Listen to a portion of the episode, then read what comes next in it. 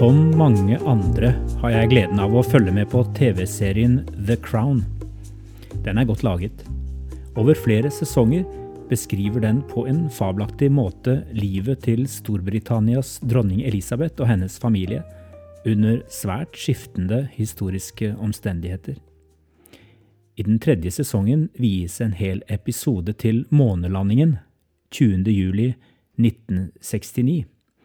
Også for den britiske kongefamilien var dette et episk øyeblikk.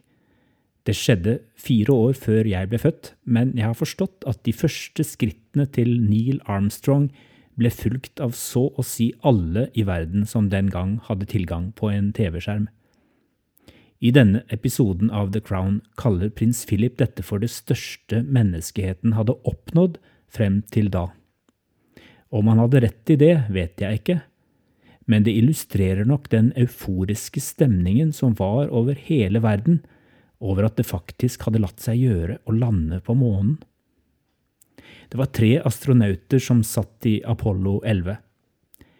Selv om jeg ble født senere, var det barnelærdom å kunne navnet på den som tok de første stegene, fartøysjefen Neil Armstrong. Jeg har også hørt om Buzz Aldrin, han som var nummer to. I The Crown-episoden får vi møte alle de tre astronautene fra den første måneferden mens de er på reise rundt i verden og annet besøker Buckingham Palace i London. Verdensturneen fremstilles som mer slitsom enn det å reise til månen. Det som slo meg da jeg så dette nå, var at jeg aldri har festet meg ved navnet Michael Collins før. Jeg har hørt mest om Armstrong, han som sa de berømte ordene et lite steg for et menneske, et stort sprang for menneskeheten. Så har jeg i senere tid hørt en del om Buzz Aldrin. Det har kommet fram hvor vanskelig det ble for ham i ettertid å komme helt i skyggen av førstemann. Aldrin ble på en måte mest kjent for å være den som ikke kom først, selv om hans bragd egentlig var like stor. Men Michael Collins det navnet var helt ukjent for meg, må jeg innrømme. Årsaken er jo enkel. Collins var egentlig aldri på månen. Allikevel hadde han en like viktig oppgave som tredjemann i Apollo 11. Han sirkulerte rundt månen og ventet på at Armstrong og Aldrin skulle koble seg på med månelanderen, som var den ene delen av Apollo 11. Armstrong og Aldrin var helt avhengige av Collins for å kunne klare å reise tilbake til jorden. Jeg vet ikke om Collins, som Aldrin, levde resten av livet og følte misunnelse over at han ikke hadde vært i Armstrongs sko den dagen. Det er slettes ikke sikkert. Jeg kjenner mange mennesker som ikke tenker sånn. De har en fantastisk teamfølelse, og de er egentlig ganske glade for at det er en av de andre i teamet som stikker seg mest fram, som representerer gruppa utad, og som ofte fører ordet. Problemet oppstår når vi begynner å gi hverandre i teamet verdi ut fra hvor synlige og kjente vi er. De menneskene som oftere står i rampelyset, har sjelden godt av å tro at de gjør det fordi de er viktigere enn andre. Og de andre i teamet fortjener ikke å kjenne på mindreverd. Også de trenger å bli sett for den de er, om de ikke har behov for å bli sett av så mange. Ingen er viktigere enn andre, vi bare spiller forskjellige roller. Nylig skjedde det et nesten usynlig rollebytte i teamet rundt meg der jeg jobber.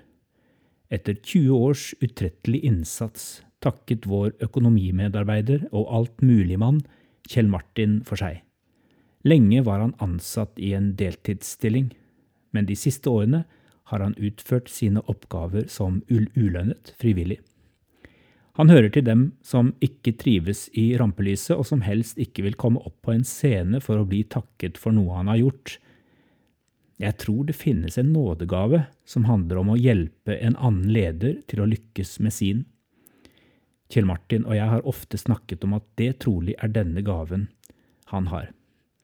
Det er egentlig mitt ansvar som daglig leder å styre økonomien i menighetsarbeidet. Daglige ledere som har kommet og gått gjennom disse 20 årene, har nok hatt ulike gaver på dette området. Jeg kan snakke for meg selv. Jeg er ikke god på tall og den slags nøyaktighetsarbeid.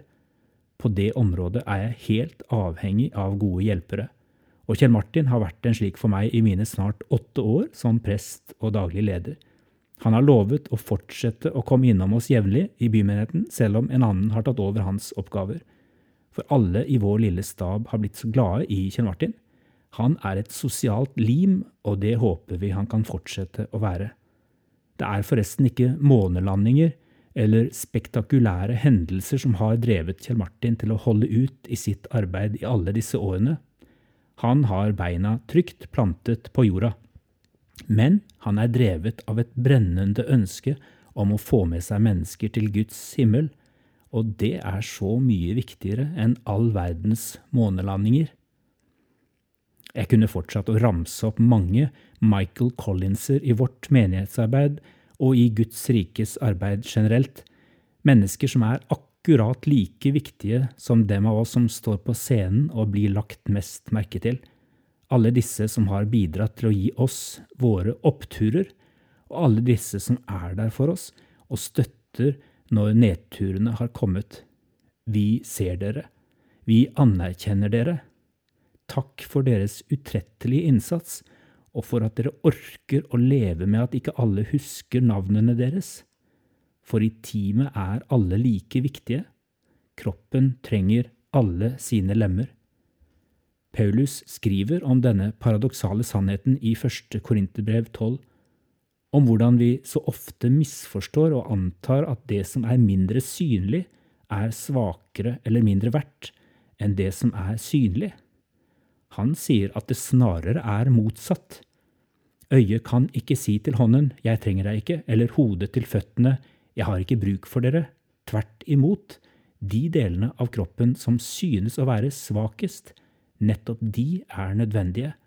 De kroppsdelene som vi synes er mindre ære verdt, dem gir vi desto større ære, og de delene vi føler skam ved, kler vi desto mer sømmelig. De andre trenger det ikke, men nå har Gud satt sammen kroppen slik at det som mangler ære, får mye ære, for at det ikke skal bli splittelse i kroppen, men alle lemmene har samme omsorg for hverandre. For om ett lem lider, lider alle de andre med, og om ett lem blir hedret, gleder alle de andre seg. Takk, Michael Collins, Kjell Martin og alle dere andre. De færreste på denne planeten skal noen gang til månen, men sammen skal vi få med oss så mange som mulig til Guds himmel. I det arbeidet trengs alle slags mennesker. Ha en velsignet dag der du.